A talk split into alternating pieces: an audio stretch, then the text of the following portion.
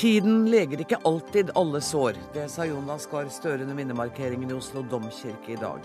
Tre år etter terroren har flere hundre overlevende og pårørende besøkt Utøya, der minnestunden ble avsluttet med ett minutts stillhet.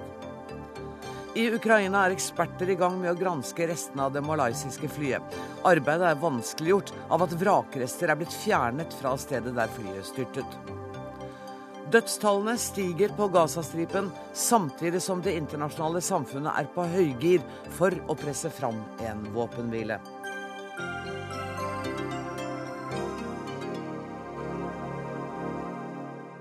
Dette er tirsdagsutgaven av Dagsnytt 18, der vi mot slutten av sendinga også skal markere at det i morgen er 100 år siden Alf Prøysen ble født.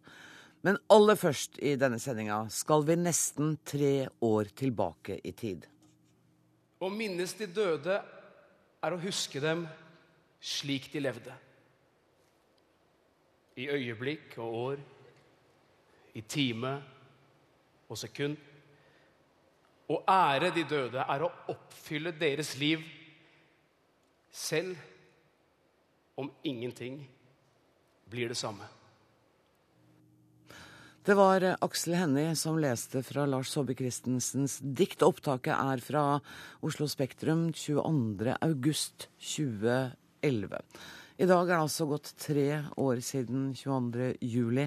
Harald Føsker, du er direktør for internasjonalt samarbeid ved Kriminalomsorgsdirektoratet. Og du var en av dem i regjeringskvartalet som ble hardt skadd. Hvordan har denne dagen i dag vært for deg? For meg har det vært en viktig dag. En dag som jeg på en måte har sett fram til, samtidig med at man gruer seg litt også, fordi det har, det har vært en veldig avgjørende dag i mitt liv og hvordan jeg ser på verden, for å bruke det uttrykket. Det har vært litt debatt, har jeg skjønt, liksom på skal vi ha en stor markering, skal vi dempe det, eller hva skal vi gjøre? Og mens jeg sto utenfor Høyblokka, så tenkte jeg faktisk det motsatte. Hva om vi ikke hadde hatt en markering i dag? Og det føltes så galt at det, det, var, det var ikke mulig å tenke seg den tanken. Så jeg er veldig glad for at det ble en fin markering i dag, og at den også var en flott markering på Utøya. Ta på deg hodetelefonen igjen, for vi skal ha med oss Tonje Brenna, som har vært på Utøya i dag, og som vel er på Utøya enda. Du var også på Utøya den 22. juli 2011. Jeg må stille deg det samme spørsmålet, Tonje. Hvordan var, har denne dagen vært for deg?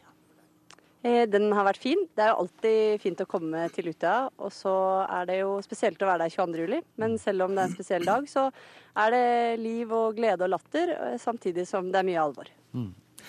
Um, Eskil Pedersen, du er tilbake på Utøya igjen også. Og hvordan har minnemarkeringen vært sånn som du ser det? Jeg syns det er viktig at vi kommer sammen 22.07. Det er en tung dag, og det er tungt å dele den dagen med veldig mange som bærer på en stor sorg. Men det er samtidig fint å være sammen den dagen, fordi jeg tror det gjør det litt lettere. Og jeg har talt der ute og kanskje satt ord på det som en del andre føler på av sorg, men jeg har også fått muligheten til å gå litt rundt for meg selv og med nære venner og bare kjenne på det å være på Utøya. Mm. Og så hørte du Harald Føsker her si at det føltes den tanken på at man ikke skulle ha hatt denne type markeringer virker helt meningsløst. Du er enig at det er riktig å gjøre dette?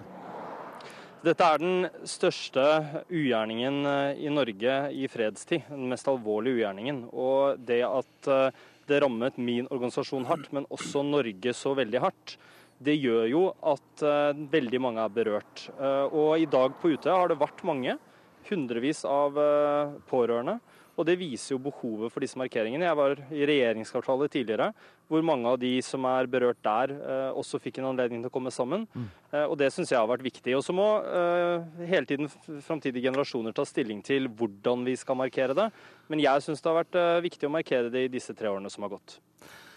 Harald Føsker, hvordan, hvis det går an å på en måte oppsummere disse siste tre årene av ditt liv? Det har vært en, en kamp. Og en konkurranse, nesten. Fordi jeg bestemte meg veldig veldig tidlig at jeg skulle tilbake på jobb. Og jeg sa vel noe sånt som at jeg skal bestemme når jeg skal gå med i pensjon. Eller når jeg skal slutte å jobbe. Og det har på en måte blitt en konkurranse med meg sjøl, med delmål og hovedmål og, og premiering underveis. Da jeg lå på sykehuset, så premierte jeg meg, det har jeg sagt tidligere også, med sjokolade og cola når jeg kom ut av senga første gang. Og da jeg gikk en trapp, så spiste jeg litt mer sjokolade. Så det har vært hele tiden en lang, ganske seig prosess. Det tok ca. et år da, før jeg var tilbake i full jobb. Men når vi er inne på det, så har jeg også lyst til å si at um, det har vært jobben som har vært min terapi. Den aller beste terapien. Um, jeg har hatt en psykolog. Men uh, det å være tilbake og være, gjøre noe nytte for deg, å være en del av et større fellesskap, og få den støtte fra ledere, kollegaer, venner, ikke minst familie, det har vært utrolig viktig. Og har ført meg tilbake der jeg er nå.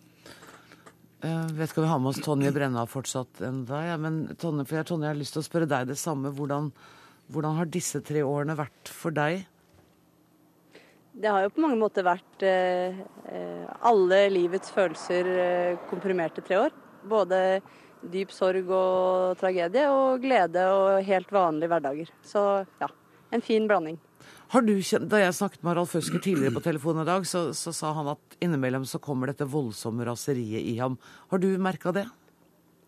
Nei, jeg har følt veldig lite på sinne, og det er jeg jo veldig glad for. fordi det er jo en, en følelse som tar fryktelig mye energi, så jeg er veldig glad for at jeg har sluppet det og er mye sint. Harald Føsker smiler, for du sa det til meg, ikke sant? Jeg sa det til deg, og det jeg står inne for. Jeg sa det fordi at um, pga. at jeg bl.a. har vært her tidligere, så er det noen som kjenner meg igjen på trikk eller ute og går. Og veldig mange spør hvordan går, hvordan går det med deg, og så sier de også jeg er så sint når jeg tenker tilbake. Og jeg har reflektert mye på det, og sinnet kan være så mangt. Det kan være destruktivt, som hun sier, men det kan også være ganske konstruktivt. For meg har det vært det. Hvordan får du utløp for det sinnet?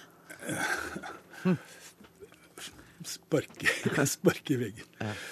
Et eller annet som litt fysisk eh, Etter hvert så er jeg grei da fordi jeg begynte å trene. Så der kan du ta ut veldig mye sinne. Mm. Når du blir svett og sliten og alt dette her. Og det har jeg egentlig alltid brukt. Når jeg tenker tilbake, så har jeg alltid brukt sånn frustrasjon. Da har jeg løpt meg en tur eller et eller annet sånt. Så det er et konstruktivt sinne. Men jeg tror veldig mange vil ha behov for å få det sinnet ut på en eller annen måte. Og jeg syns at vi kanskje ikke har de kanalene alltid som kan hjelpe oss med å få ut den frustrasjonen, det sinnet. Det, det er helt naturlig å være sint. Mm. Vi har også med oss eh, Arbeiderpartileder Jonas Gahr Støre. I dag så sa du at det er en tid for alt. Og nå hører du her at eh, Harald Føsker mener at det også er tid for sinne. Har du forståelse for den reaksjonen? Ja, det har jeg veldig forståelse for, og jeg syns han uttrykker det veldig fint. Eh, det vi har erfart disse tre årene, er jo at mennesker sørger ulikt. Vi har lært at eh, noen ikke gråter, andre gråter. Noen blir sinte, og andre blir ikke sinte. Og folk må sørge slik det er riktig for dem. Og jeg har veldig stor respekt for at folk opplever sinne ut fra det forferdelige som rammet dem, men også sinne dypere for at noe slikt kunne skje i Norge. Så uh, alt fra sinne til latter er en del av menneskenes reaksjoner, og jeg uh, er ydmyk og bøyer meg for uh, alle de reaksjonene. Da jeg hørte deg tale i Domkirken i dag, så, og korriger meg hvis jeg tolket deg feil, men, men, jeg oppfattet at du sa at det var altså en, en tid rett etter terrorhandlingen hvor tiden var for å vise hverandre varme og omsorg og kjærlighet. Men hvis jeg oppfattet det riktig, at tiden nå kanskje er kommet til at vi skal ta debatten om holdningene. Oppfattet jeg det riktig? Ja, det, jeg er glad for at du oppfattet meg riktig, for det var det som var meningen å si. Altså, det er jo et uh, sitat fra bibelteksten at det er en tid for alt. Uh, og jeg mener at det vil alltid være en tid for å minne og, og hedre de vi savner. Og 22.07 vil havne om det. Og jeg mener at det handlet om det i dag. Det har vært veldig fine markeringer, som også Eskil Pedersen var inne på. Men jeg var blant de som i ukene og dagene etter 22.07. for tre år siden sa at det er ikke en tid nå til å gå etter eh, holdningene. Nå, nå slår vi ring om hverandre og støtter de som trenger det. Men kanskje lot vi det ligge. Eh, og Den debatten kommer jo nå opp. og Jeg mener at vårt demokrati er modent og trygt å ta den debatten, og vi bør ta den. fordi som mange har sagt, og jeg kommer til å snakke mye om det egentlig i tiden som kommer, så vet vi at mannen var trolig alene om handlingen. Det har domstolen slått fast. Men holdningene eh, er han ikke alene om. Det ser vi i det mørke nettet. Vi kan se det i dagligsamtale. Eh, vi ser det i ekstremismens eh, grufulle ansikt. Og det må vi som demokrati møte på bred front. Og jeg ga i dag honnør til statsministeren, som jeg mener har tatt tak i dette når det gjelder nettekstremisme og, og, og vist lederskap på området. Der ga jeg henne full støtte, og jeg tror vi må ta det på bred front i samfunnsdebatten. Eh, kan jeg spørre deg også før du kjører videre, jeg vet at du er travel og på vei et helt annet sted. Syns du at Norge har forandret seg, eller har forandret sin nasjonale identitet i løpet av disse tre årene? Det er et stort og komplisert spørsmål. Jeg mener jo det er grunn til å si at vi blir alle det samme etter 22.07. Og besøket på Utøya i dag er jo et Norge i mikro der. Utøya ligger der som en vakker øy, men har fått nå et helt nytt kapittel til sin historie. Og Sånn er det også for Norge. Den største kriminelle handlingen i fredstid som rammet oss, det var terror. Men jeg mener jo at det har minnet oss og gjort oss også bevisste på en del viktige verdier som jeg mener er Norge. Eh, det han var ute etter, var jo det norske mangfoldet, og det norske mangfoldet er mangfoldig. ikke sant? Det handler om folk med tro, eh, legning, eh, kulturell identitet. Eh, det mangfoldet er Norge. Det er det som vi må stå opp for og klare å forstå. Noen ganger er det vanskelig, men vi kan ikke akseptere at vold er svaret. Og jeg tenker at Identitet er ikke et stillestående begrep. Altså Norske verdier er ikke noe som var i 1814, 1905 eller 1960 for den saks skyld. Det er i bevegelse, i eh, kontinuerlig utvikling. Og Det er det demokratiet må vise seg sterkt til. og sette ord på det. En identitet som er i bevegelse, og som vi kan være stolte av. Og Norge i vår tid er mangfoldig. Og det kommer til å komme mer mangfold i årene som kommer, for slik er verden. Og det er det jeg tror demokratiet er udelt det beste eh, systemet for å møte det, men det er ikke noe vi kan sette oss tilbake for. Vi må altså møte det aktivt. Tusen takk for at du var med i Dagsnytt 18, Jonas Gahr Støre. Tonje Brenna, hvis du fortsatt er med oss. Eh, nå hørte vi Jonas Gahr Støre tidligere i dag sa at tiden legger ikke alle sår. Men er det ikke likevel slik at smerten blir døyvet etter hvert som tiden går? Eh, for mange tror jeg det er sånn. Og så tror jeg eh, også at den endrer på en måte litt karakter. I begynnelsen så definerer den deg kanskje fullt og helt som menneske, på en måte. Mens etter hvert så går man mer ved siden av hverandre, sorgen og du, sånn at man ikke lar seg styre like mye av den. Men det er jo viktig også å huske på, særlig på en dag som det her, at, at vi har jo vært veldig eh, eh flinke til å omtale de ulike berørte som grupper. De overlevende, de etterlatte. Eh, og, og gru sette gruppenavn på folk. Men vi må huske på at det er individer. sånn at Noen er sinte, noen er ikke sinte, og begge deler er greit. Mm. Og jeg mener det også må være rom for å være eh, forbanna. Hvis det er den følelsen man sitter med inni seg, så må det også være lov til å si. Men hvordan er ditt liv nå? Føler du at du på en måte har fått en hverdag som er til å leve med etter dette? Ja, jeg føler det. Og så føler jeg samtidig at eh, det er blitt mer en fin ting å møtes og, og snakke om dette og være sammen på 22.07. Eh, sånn at det er litt mindre vondt og litt mer fint, men, men det vonde er jo ikke helt borte allikevel.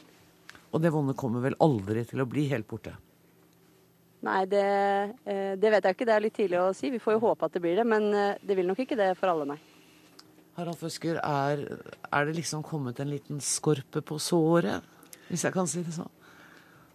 Det, det, har det selvfølgelig, fordi det er jo riktig som du sier at smerten døyves jo. Men smerten blir mer annerledes enn en, Den blir ikke borte. Den blir bare annerledes. Du lærer til å leve med det. Og det er um, Forandrer det seg? Ja, fordi at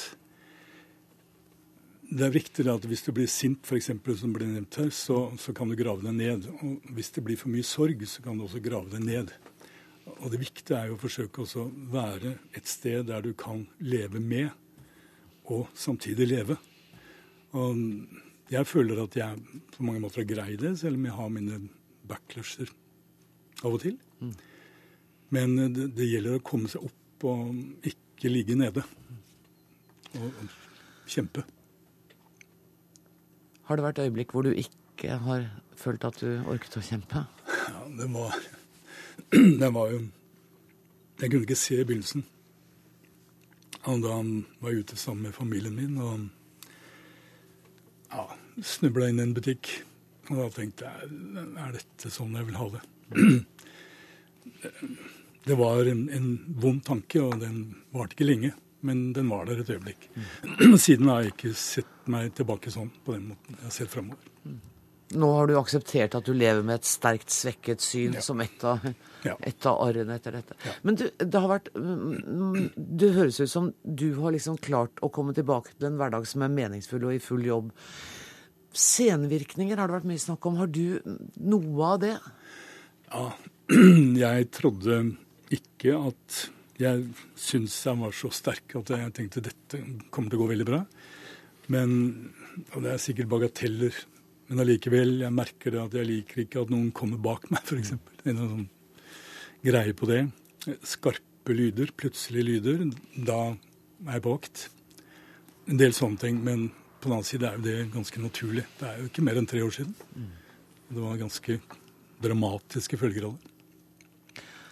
Jeg sitter og tenker at overlevende som ikke har klart eh, det, hvor, av forskjellige grunner, som ikke er i arbeid, som ikke er i skole, og som sitter og hører på deg, så vil det kanskje føles nesten som en trussel eller nesten en provokasjon at Er det en kritikk fra din side at folk ikke tar seg nok sammen?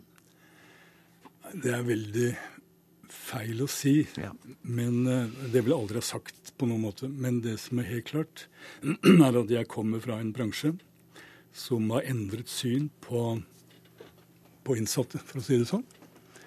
Fra å være en, en ren omsorgsetat, så har vi nå kommet til en erkjennelse at det å stille krav til et menneske er den største respekten du kan vise for et menneske. Og, og det betyr veldig mye. Det har betydd mye for meg òg. At det at jeg har stilt krav til meg sjøl, har jo også ført til at jeg tenker at jeg er min egen herre og har, kan bestemme om mitt eget liv.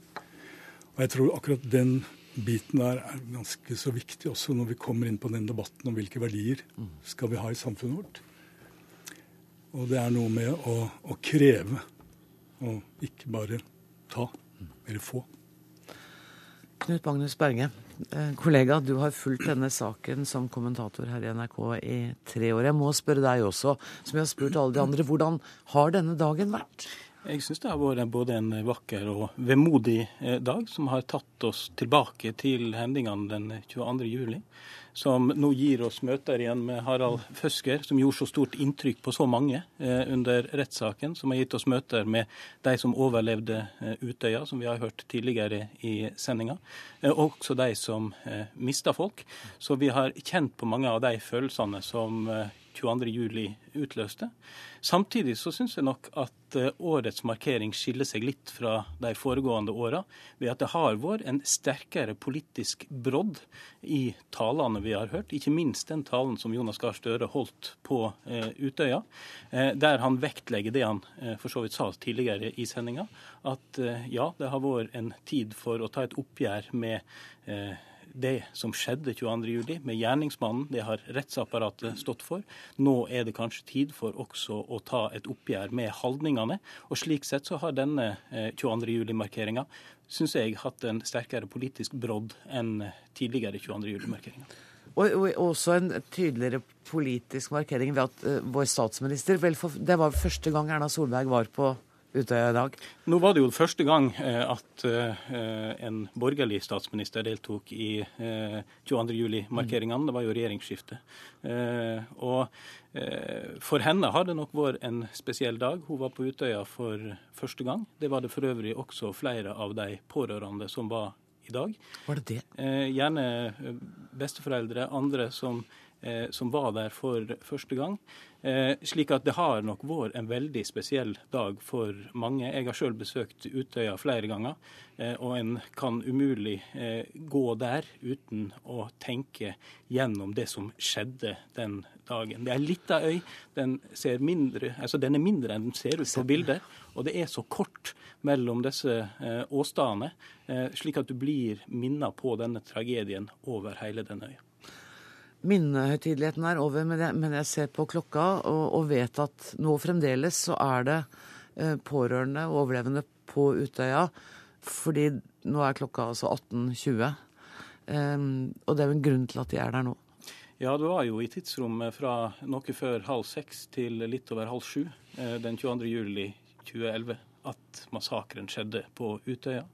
Eh, derfor ble også eh, seremonien avslutta, slik at de som kunne bli igjen nå, er de som er direkte berørt. Slik at de kunne, hvis de ønska det, da, være til stede der som de mista sine, på det tidspunktet da de mista dem. Dette er jo siste gang det er en minnemarkering på Utøya slik vi kjenner den nå. Vel, i alle fall så, ja, så er det jo planer om å, å, å, bygge om Utøya. Dette er jo en diskusjon som fremdeles pågår, og som er, er vond og vanskelig. og kanskje ikke eh, Kanskje er det ikke dagen i dag for å gå, gå veldig inn i den, men det er planer for å eh, gjøre eh, eh, gjøre endringer på Utøya som vil gjøre at den vil framstå noe annerledes i åra som kommer, enn den har gjort til nå. Harald Føsker, hva tenker du om framtida? Nå er det gått tre år.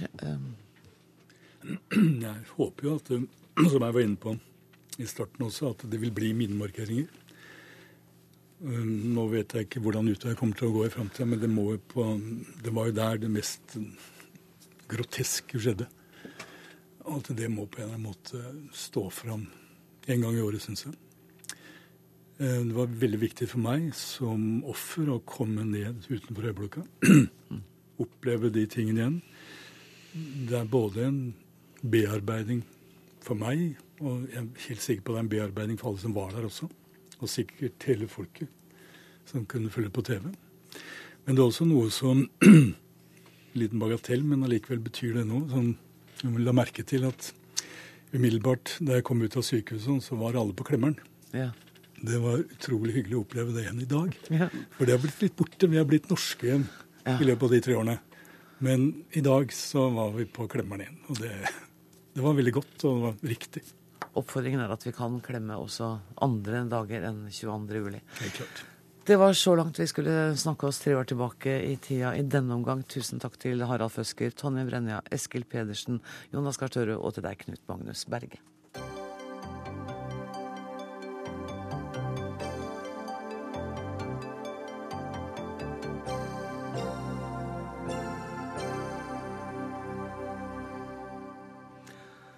Granskingen av vrakrestene etter det nedskutte Malaysia Airlines-flyet er i gang, og OSSE melder nå at deler av vraket har blitt ødelagt, og andre deler rett og slett er fjernet fra stedet der flyet styrtet.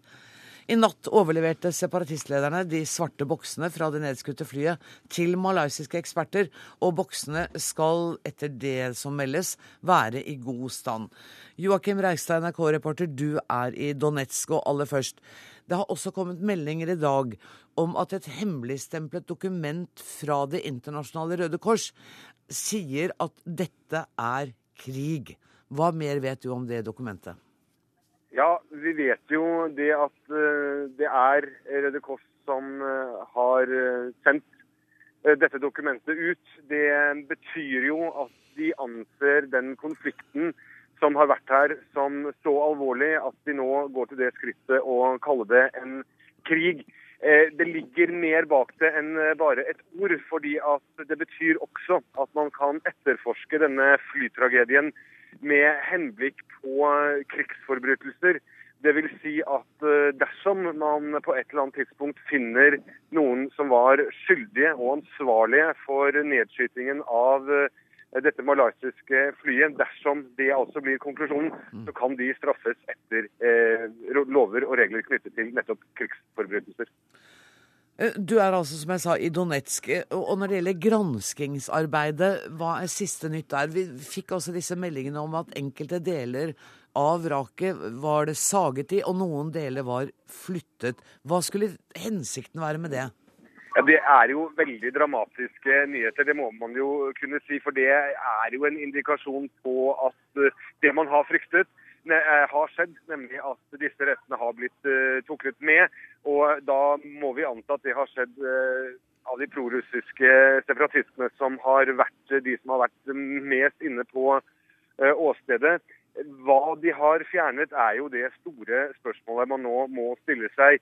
Er det eh, døde kropper som har blitt eh, fjernet, eller er det kanskje enda mer alvorlig dersom man har eh, forsøkt å fjerne bevis på at flyet ble, ble truffet av en missil? Vi skal huske det her, at flyet at man har på, på åstedet for, for flystyrten ikke funnet endelig, eh, enda, eh, funnet, ennå funnet bevis for at det ble skutt på. Altså Man har ikke funnet rester av raketter, missiler osv. Er det det de har fjernet, så står man jo foran en veldig komplisert etterforskning.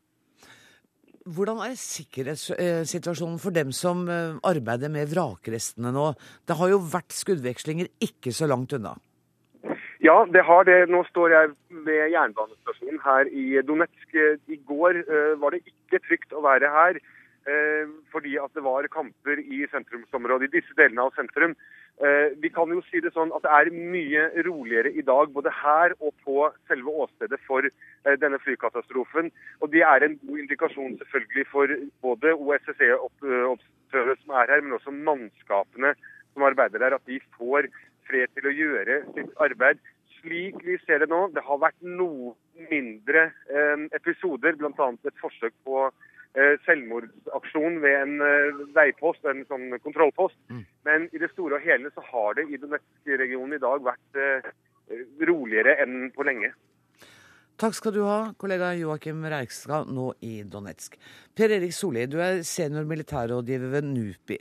Um, nå hører vi her at det altså ikke, etter det vi vet, foreløpig ikke er funnet endelig bevis på at flyet ble skutt ned. Hvordan tolker du det? Er disse bevisene fjernet, eller er det fremdeles en svak mulighet for at det rett og slett eksploderte av seg selv? Altså, hovedteorien er at det var et uh, Buch-missil som ble avfyrt fra bakken mot uh, flyet. Mm. Uh, og det missilet det treffer ikke flymaskinen. Altså, det, det, har et nærhetsbrannrør som gjør at det eksploderer en 30-100 meter unna flyet.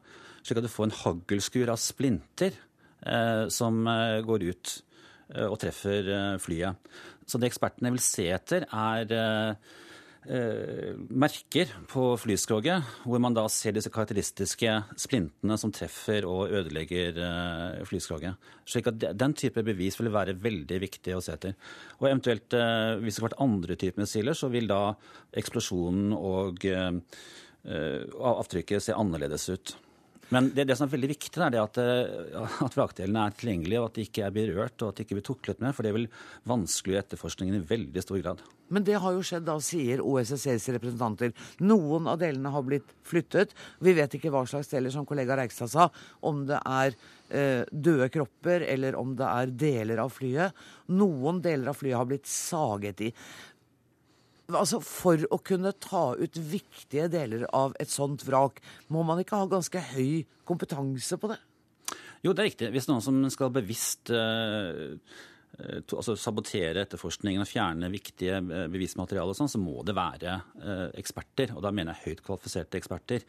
De første rapportene vi fikk inn, var det at det foregikk dessverre plyndring i området av en fattig befolkning i nærområdet. Men det har også vært rapporter nå på at man har Eh, prøvd å fjerne eh, likdeler. og da antagelig eh, ødelagt noen av vrakdelene for å få det til. Mm. Men den tredje teorien om at det er bevisst manipulering, er selvsagt det mest alvorlige. fordi det er et veldig komplisert puslespill etterpå å sette sammen delene og, og rekonstruere hva som har skjedd. Denne svarte boksen som nå skal være overlevert til myndighetene, og som man kan begynne å arbeide med, hvor viktig er den i en sånn sak som dette? Det er veldig viktig for å eh, bekrefte eller avbekrefte at det var en intern feil i flymaskinen som forårsaket ulykken. Fordi at den ferdigregistratoren den registrerer store mengder av data fra alle systemene om bord på flyet. 1000 eh, parametere i sekundet. Og taleregistratoren tar opp alt som er sagt i cockpiten, og også da kommunikasjonen med, med bakken. Eh, slik at de, de kan, hvis det har vært en eksplosjon pga. teknisk svikt, så vil de være veldig viktige. Men hvis de viser at det ikke var noen tekniske feil eh, på flymaskinen, og sånn, så er jo da den andre teorien om nedskyting eh, sterkere. Hva innebærer det at Kripos, det norske Kripos nå eh, har meldt seg for å kunne bistå? Har Norge en spesiell type ekspertise når det gjelder denne type ulykker eller terrorhandlinger? Ja, slik jeg skjønner det, så vil eh, de bistå den veldig kompliserte og tunge arbeidet med å identifisere de omkomne. Og det vil være et meget krevende arbeid som da vil kunne foregå antagelig i flere måneder. Eh, noen av disse, dessverre, noen av disse likene ikke hele, det er deler som man har. og og Identifiseringen og sammenslåingen sånn vil være veldig komplisert. og Da vil selvsagt de norske ekspertene kunne være en veldig viktig ressurs for å bidra til et sånn flernasjonalt samarbeid for å få det til til slutt. Per Erik Solli, helt ærlig, tror du at vi kommer til å få vite sannheten om hva som skjedde, og hvem som eventuelt har ansvaret?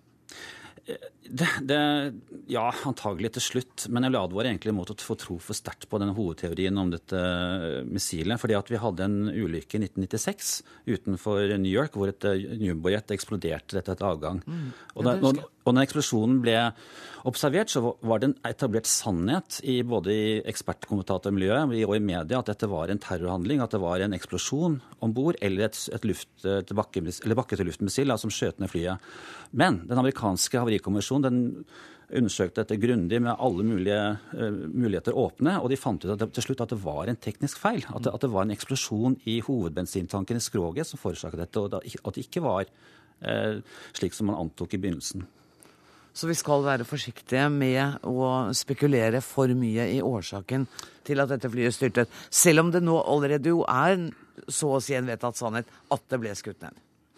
Ja, det, det som er viktig nå, er vi får på plass en uh, ekspert uh, flyhavarikommisjon fra ICAO, den internasjonale luftfartsorganisasjonen, at de får Uh, og at uh, de kommer i gang med sitt møysommelig arbeid for å få klarhet egentlig hva som skjedde, uh, på en profesjonell måte. Og ikke minst, som du var inne på tidligere, at åstedet blir, blir, mest mulig urørt. Og at minst mulig blir manipulert med, og minst mulig blir fjernet og, og flyttet på. Tusen takk for at du var med i Dagsnytt 18, Per Erik Soli fra NUPI. EUs utenriksministre har vært samlet i Brussel i dag for å diskutere sanksjoner mot Russland. Sånne sanksjoner er et kinkig tema. Britene ønsker eksportstopp av forsvarsmateriell fra EU. Men Frankrike har planer om å levere et avansert marinefartøy til Russland senere i år. Torsdag er det ventet at EU skal utvide sanksjonene mot navngitte russere og ukrainere, og Dag Harald Klas, leder for Institutt for statsvitenskap ved Universitetet i Oslo. Du har sagt at du mener at EU nå står overfor et dilemma når de skal reagere mot Russland sortere litt for meg. Hva er det største dilemmaet? Det største dilemmaet er faren for at dette slår tilbake med reaksjoner fra Russland, de, som innfører handelssanksjoner mot EU. Hva vil det ramme? Ja, eh, altså eh, Russland er EUs tredje største handelspartner. Det er bare USA og Kina som er større. Og de har en meget skjev handelsbalanse, negativ handelsbalanse med russerne. De importerer mye mer enn de eksporterer til Russland. Så de er i en dårlig situasjon sånn sett hvis vi får en handelskrig med russerne, eller gjensidige sanksjoner. Og det er gass det snakkes, vi snakker om i hovedsak her. Gassforsyningen til Europa. Russland er den største eh, eksportøren til Europa. Men sier det, du at det er en ubalanse som gjør at Russland nå er sånn desidert den sterke kraften? Ja, sånn i dette første steget her, så er russerne klart overlegne. Eh, det blir eh, ikke noe varme på komfyrene i Bayern hvis eh, Putin stenger kranene som en reaksjon på europeiske sanksjoner. Men også russerne er avhengig av disse inntektene fra eksporten. Eh, gasseksporten er en veldig viktig inntektskilde for eh, Russland. Akkurat. Så en langvarig, langvarig, krig her, handelskrig her, som, eh, som, konsekvens av disse sanksjonene, det vil også ramme Russland. EU og Russland er mye mer økonomisk integrert enn USA er. Barack Obama har jo nå beskyldt europeerne for å være sinker i sanksjonsaktiviteten mot Russland. Men USA har bare en tiendedel av EUs handel med Russland. Og så er det jo ikke alle de europeiske landene som er så interessert i sanksjoner heller. Nei, så er det forskjell i avhengigheten. Mm. Eh, de østeuropeiske landene er egentlig ganske avhengig av russisk gass, selv om EU nå for dette er jo ikke første gang at det er eh, strid om gasseksport. Eh, så når det gjelder akkurat gasseksporten, så har EU gjort ganske mye for å bedre sin Bli mindre sårbare for russisk, stopp i russiske gass, gassleveranser. Men de østeuropeiske landene er selvfølgelig mer, mer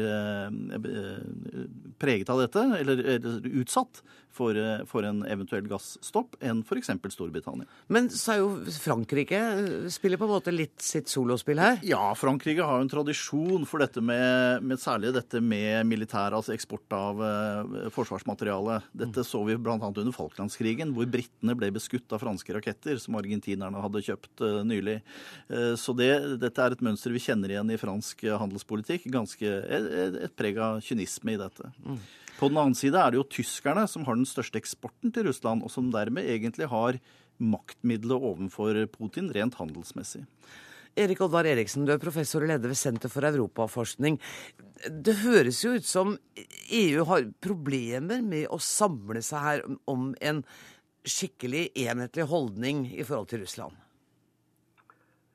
Ja, det kan jo se slik ut. Det er litt sånn uenighet om, eh, om hvilke virkemidler man skal eh, bruke hvor harde sanksjoner man skal sette i verk. Men eh, problemforståelsen og diagnosen av problemet er de er ganske enige om. Og så Til den analysen til eh, Dag Harald Klas, så er det jo bare å tilføye at det er jo også en tradisjon altså fra, fra tysk side spesielt til å, å, å, å holde en, eh, en, mykere profil vis-à-vis -vis Russland eller tidligere Sovjetunionen da, for å, for å og, og uh, ha en slags utstrakt hånd og prøve dialogen mer enn å, å, sette ned foten i første, i første omgang. Så det er jo litt også en sånn um, uenighet om, uh, om, hvilke virkemidler her som vil, som vil være mest suksessfulle, vil, altså vil ha mest suksess. Altså, en hardere sanksjoner kan jo, kan jo slå tilbake og, og kan jo få ting til å gå i, i, i, i Klas? Ja, jeg tror jeg er helt enig i dette. Og, og det som er problemet med, med sanksjonstypene sanksjoner her, er jo motparten. Altså Putin er eh, jo i og, for, i og, for, seg valgt, kan vi vel si. Eh, men han reagerer jo ikke på symboler og, og sånne ting. Og hans oppslutningen om Putin er ikke avhengig av Eh, om han får delta på konferanser eller sjakk-OL eller hva det nå måtte være. Eh, hans eh, base hjemme er, er ganske solid. Så, så, det må sannsynligvis ganske kraftig lut til mm. hvis man skal få, få Putin til å endre, endre strategi og endre, endre, holdning. Men Eriksen, kommer ja. det til å komme kraftige sanksjoner mot Russland, tror du? Ja, jeg tror, det, jeg tror at Russland er på hardt pressa nå, og at det, det, er jo en altså Verden er ganske det, det, er mye gjensidig avhengighet i, i, i, verden i dag. Alt henger, henger sammen med, med, alt. og Russland er veldig, veldig mye annerledes enn en, en, en Sovjetunionen var med å ha kontroll på sine handlingsbetingelser. Altså, de er avhengig av, av åpne, åpne, kanaler ut. Og, og, og, selv om Russland har, og Putin har en sterk maktbastion eh, innad, så, så er han også så, så mener nå Vesten har, har de, de, sterkeste maktmidlene på sine, på sine sider, på sin, sin, side. Altså Russland er på i det lange løpet i alle fall mer avhengig av Vesten enn Vesten er av, av Russland. Og, sånn, og, at, og, at, jeg tror det at, at at det kommer hardere sanksjoner, men, men, men, det er jo også viktig å tenke smart, smart her. altså tenke hva, Hvilke sanksjoner er det som, som, kan også åpne en vei ut for, for Russland og Putin her. altså Sånn at de ikke, at de ikke går helt i, i, i, i kranglås. Altså, så, sånn at, altså det må jo være en måte å redde ansikt også i en sånn situasjon. Så, så jeg håper det går an å tenke seg om også her. Men, men altså at, at, at det blir hardere sanksjoner, det er jeg ganske sikker på, ja. Og så får vi bare vente og se hva EU til slutt kommer fram til. Tusen takk skal dere ha, Dag Harald Klas og Erik Oddvar Eriksen.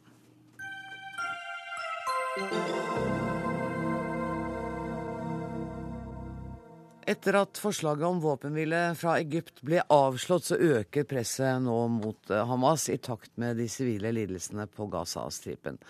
Antallet drepte palestinere nærmer seg 600, og USAs utenriksminister John Kerry er på plass i Kairo i møte med Egypts utenriksminister, Egypts president og den tidligere forsvarssjefen Abdel al-Sisi. I Jerusalem har Benjamin Netanyahu møtt generalsekretær i FN Ban Ki-moon. Og direkte med oss fra Jerusalem har vi deg, utenriksmedarbeider Odd Karsten Tveit. Har du, eh, du har jo så vidt landet. Har du rukket i det hele tatt å orientere deg og finne ut hva som skjer i området ditt akkurat nå? Iallfall så har jeg fått vite at uh, det dramatiske på Gazastripen, der fortsetter israelerne sin ubønnhørlige angrep på hus etter hus. Det går i en massiv, men sakte framrykking i et rundt tre kilometers belte fra grensen til Israel.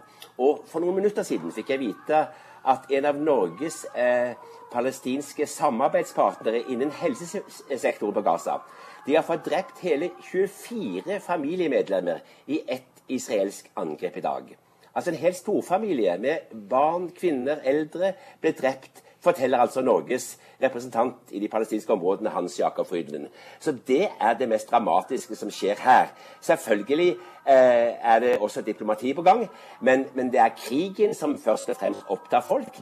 Og eh, Hamas skyter sine hjemmelagde raketter mot Israel, og de er fornøyd så lenge alarmene går og israelerne eh, får vite at det er eh, noe som skjer, uten at de gjør noen nevnesverdige skader. Og israelerne altså dreper eh, sivile på eh, Gazastripen. Men nå har jo palestinske ledere lagt fram en plan uh, overfor de egyptiske myndighetene. En plan for våpenhvile som skal da etterfølges av fem dager med forhandlinger med Israel. Det er en representant for Fatah som melder no, det nå i kveld. To ting. Hva ligger det i dette, og hvor realistisk er det å få det gjennomført? Ja, Det som er sagt, er at de vil ha en våpenhvile og så sammer, eh, samtaler eh, i fem dager etter dette. Det er på mange måter i tråd med det eh, generalsekretær Ban Ki-moon i dag eh, foreslo i Jerusalem, her i Jerusalem. Han vil også ha en våpenhvile, men han la i tillegg eh, til at samtaler om konfliktens røtter må komme i gang. Og Det er for Gazas befolkning og for Hamas at dette er viktigst. Røttene i konflikten i denne omgang er stans i blokaden, som har vært i syv år. Og det er det som er Hamas sitt krav i første omgang. Og det er det kravet som israelerne ikke har villet akseptere foreløpig. I, I, tillegg har Hamas krevd at Israel må sette fri fanger som er arrestert i den siste måneden på Vestbredden. Det var fanger som tidligere ble løslatt da Israel og Hamas ble enige om en fangeutveksling.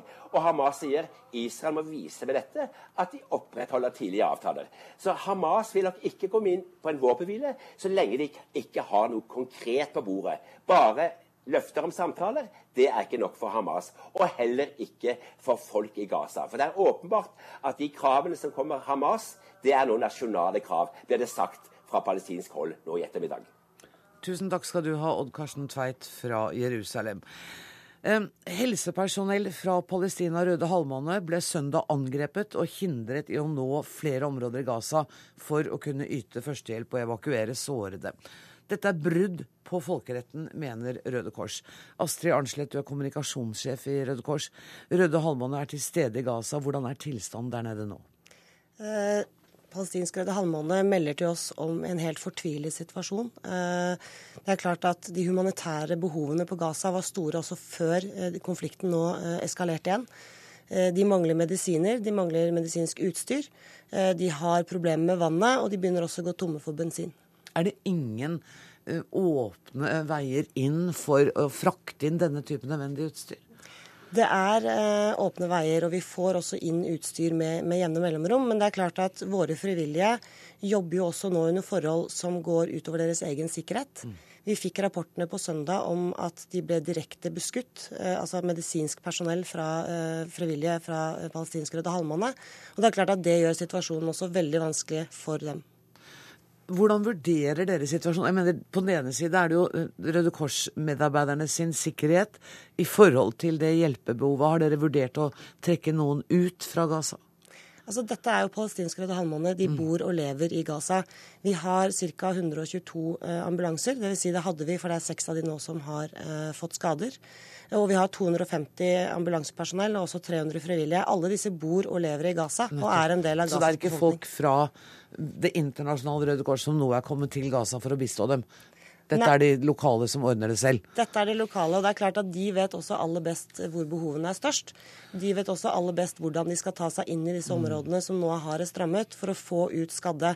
Men det er klart at for dem så er det også en fortvilet situasjon. fordi at for enhver frivillig som har som oppgave å være helsepersonell, hjelpe folk i en krise, og ikke klare å få eh, nå de, og ikke klare å komme fram til de, det er veldig fortvilende. Jan Egeland, generalsekretær i Flyktninghjelpen. Eh, du er jo en av dem som har fulgt denne konflikten eh, over lang, lang tid. Hvordan vil du karakterisere hjelpearbeidet som foregår i Gaza nå? som veldig vanskelig fordi konflikten er så omfattende. Jeg snakket nettopp med Flyktninghjelpens representant for nødboliger. Det er han som samordner alt hjelpearbeidet for de organisasjonene som jobber med nødbolig for de som er fordrevet. Eh, Liad Hamam. Han var helt overveldet. De har nå registrert 580 ødelagte bygninger og blokker med 2700 boliger. Så 16 000 mennesker har nå fått sitt hjem helt ødelagt. 150 000 er nå fordrevet. 43-45% av Gaza er erklært fra det israelske hæren som områder som man må forlate. Eh, så det, den, det, uttrykket som går igjen, er 'ingen områder er trygge'. Eh, vi blir bombardert fra lufta, fra sjøen og fra land. Ja, og Det var nettopp det jeg skulle spørre om når du brukte ordet 'fordrevet'. For det er jo ikke noe sted å flykte til, er det det?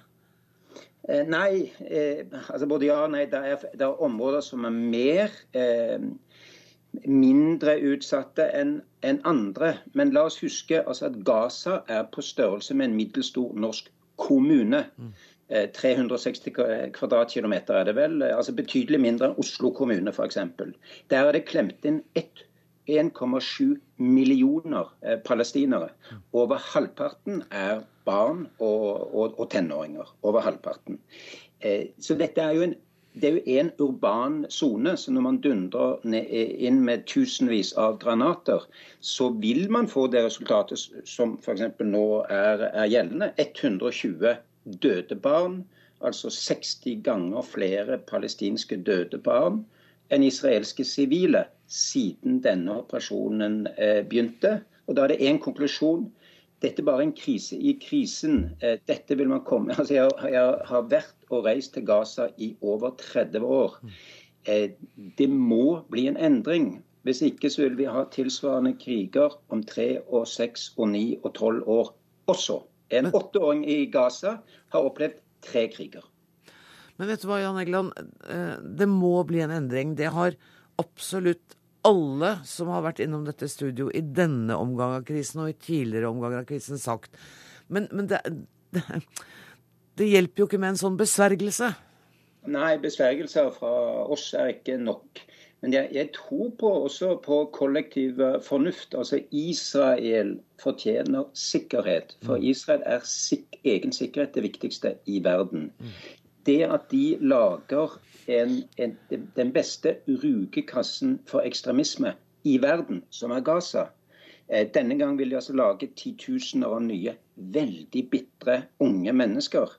Eh, det vil ikke gjøre at det blir tryggere i Israel. Det vil bli mer usikkert i Israel. Og de, den som store makt som kan forklare dem dette, det er USA. Og jeg tror faktisk at USA, Obama-administrasjonen, vil ta en alvorsprat med Israel og si det er ikke i deres interesse å fortsette som nå.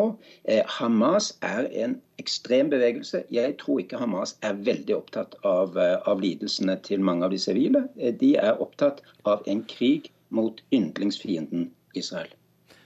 Astrid Arnslett, hvordan kan dere støtte Røde Halvmåne nå i den vanskelige situasjonen som de er? Altså Foreløpig så støtter vi både Palestinsk Røde Halvmåne og Det internasjonale Røde Kors eh, med økonomiske midler. Vi har også en delegat som er der nede nå og har samtale med dem for å finne ut om det er mer vi nå skal bidra med. Det er klart Norge er ganske langt unna, og det ligger Røde Kors-foreninger mye nærmere. Som, eh, som, allerede har tilbudt sin støtte. Men vi sier det nå at det de ber om, det skal vi klare å levere til dem. Mm. Og vi ser jo i hvert fall at engasjementet omkring denne konflikten er enormt stor også i Norge, selv om det er langt unna. Det ser vi, og vi ser også at folk har lyst til å bidra. Tusen takk for at eh, du var med i Dagsnytt 18, Astrid Arnslett. Takk også til Jan Engeland, og takk til Odd Karsten Tveit i Jerusalem.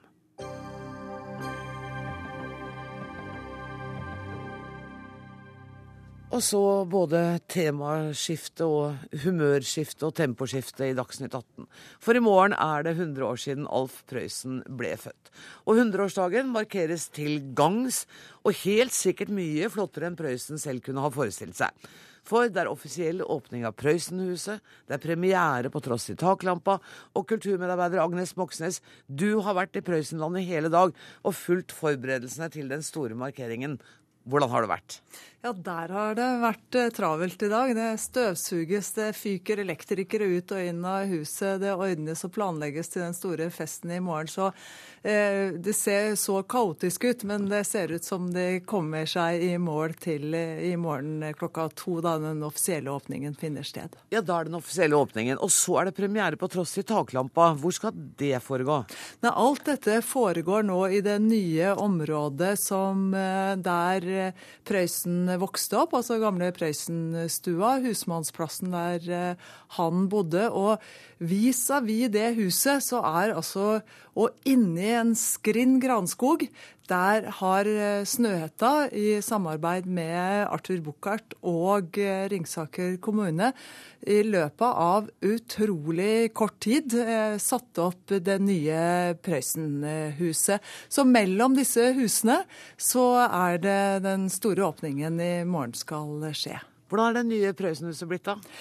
Ja, jeg, jeg, må si at jeg, syns det er blitt et veldig interessant og veldig flott sted. Ikke flott i sånn Soria Moria-slott-sammenheng, men det er, det er, lagt altså inn i denne granskogen. Du ser det er dyktige arkitekter som har vært i, i arbeid.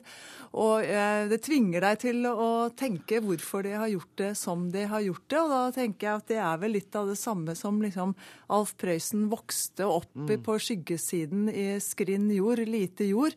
Og der er dette huset også lagt. Og, og der skal det altså da skje forhåpentligvis store ting både i morgen, den uka som nå er liksom Prøysenfestivalen, og da håper kommunen inderlig også i årene fremover. Men du, det huset det er jo da i hovedsak vel finansiert av Arthur Buchardt, og helt gratis har det ikke vært.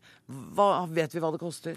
Nei, det der er Arthur Buchardt absolutt taus. Han sier ikke hva dette huset har kostet. Det vi vet, er at han har gått til sine gamle samarbeidspartnere, altså Snøhetta arkitekter. De begynte å tegne for litt over et uh, år siden, etter at Buchardt hadde slått seg sammen med kommunen, oppsøkt uh, svært sentrale hedmarkinger som satt i regjering og i ledelsen i, i fylkesmannsstolen i, i, Hedmark, altså Sigbjørn Johnsen og Sylvia Brustad, fikk dem med på laget, fikk 20 millioner kroner til å lage dette, det som, skal, altså som er et Prøysenår, som vi er inne i nå. Og også til å bygge en utstilling som skal settes opp og åpnes opp neste år. Takk skal du ha, Agnes eh, Moxnes. Og da kan jeg vel si at da skal det bli Hva heter det? Musikk og sang og Sol, Solskinn og sang og gitarklang? ja. Kari Svendsen. Jo da, altså, kan, ikke... da det, eh, kan jeg ta meg disse? For det, kan det nå kan jeg. Skal jeg bare snakke med deg, så ja, nå kan du ta deg hodetelefonene. Nei, altså, jeg har jo eh, dette, altså, Det er jo strålende med nytt Prøysenhus. For hvis, det, hvis man har vært på det gamle, så er, var det ganske Det var lite. altså De hadde en veldig liten konsertsal, mm. og det var ganske kummerlige forhold. Så dette gleder jeg meg veldig veldig til å se, altså. Ja. Jeg gleder meg veldig til å høre den strofen som jeg nå har selv. For dette her er jo virkelig Dette er Prøysen i byen, da. Dette er bakgårdstrudelutten fra Romeo Klive og Kanutten. Ja. Så der kommer Bjarne Amdals melodi, da. Så må vi si det, vet du. Ja, ja, ja. Og Solskinn og sang. Ja. For her er det solskinn og sang og gitarklang for alle penga.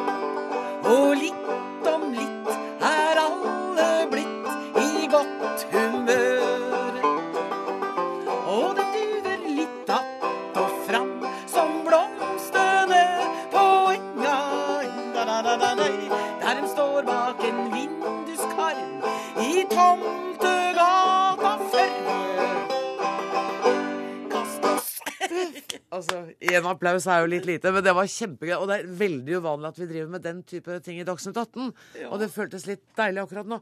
Den sangen der har du sunget Ja, Det vet jeg ikke. Det må være tusenvis av ganger. Ja, Den åpner jeg alle mine opptredener og konserter med. Åpner jeg med Solskinnsang, for den er en isbryter de luxe. Og folk er med og traller, og det er eh, det er liksom så veldig ujålete.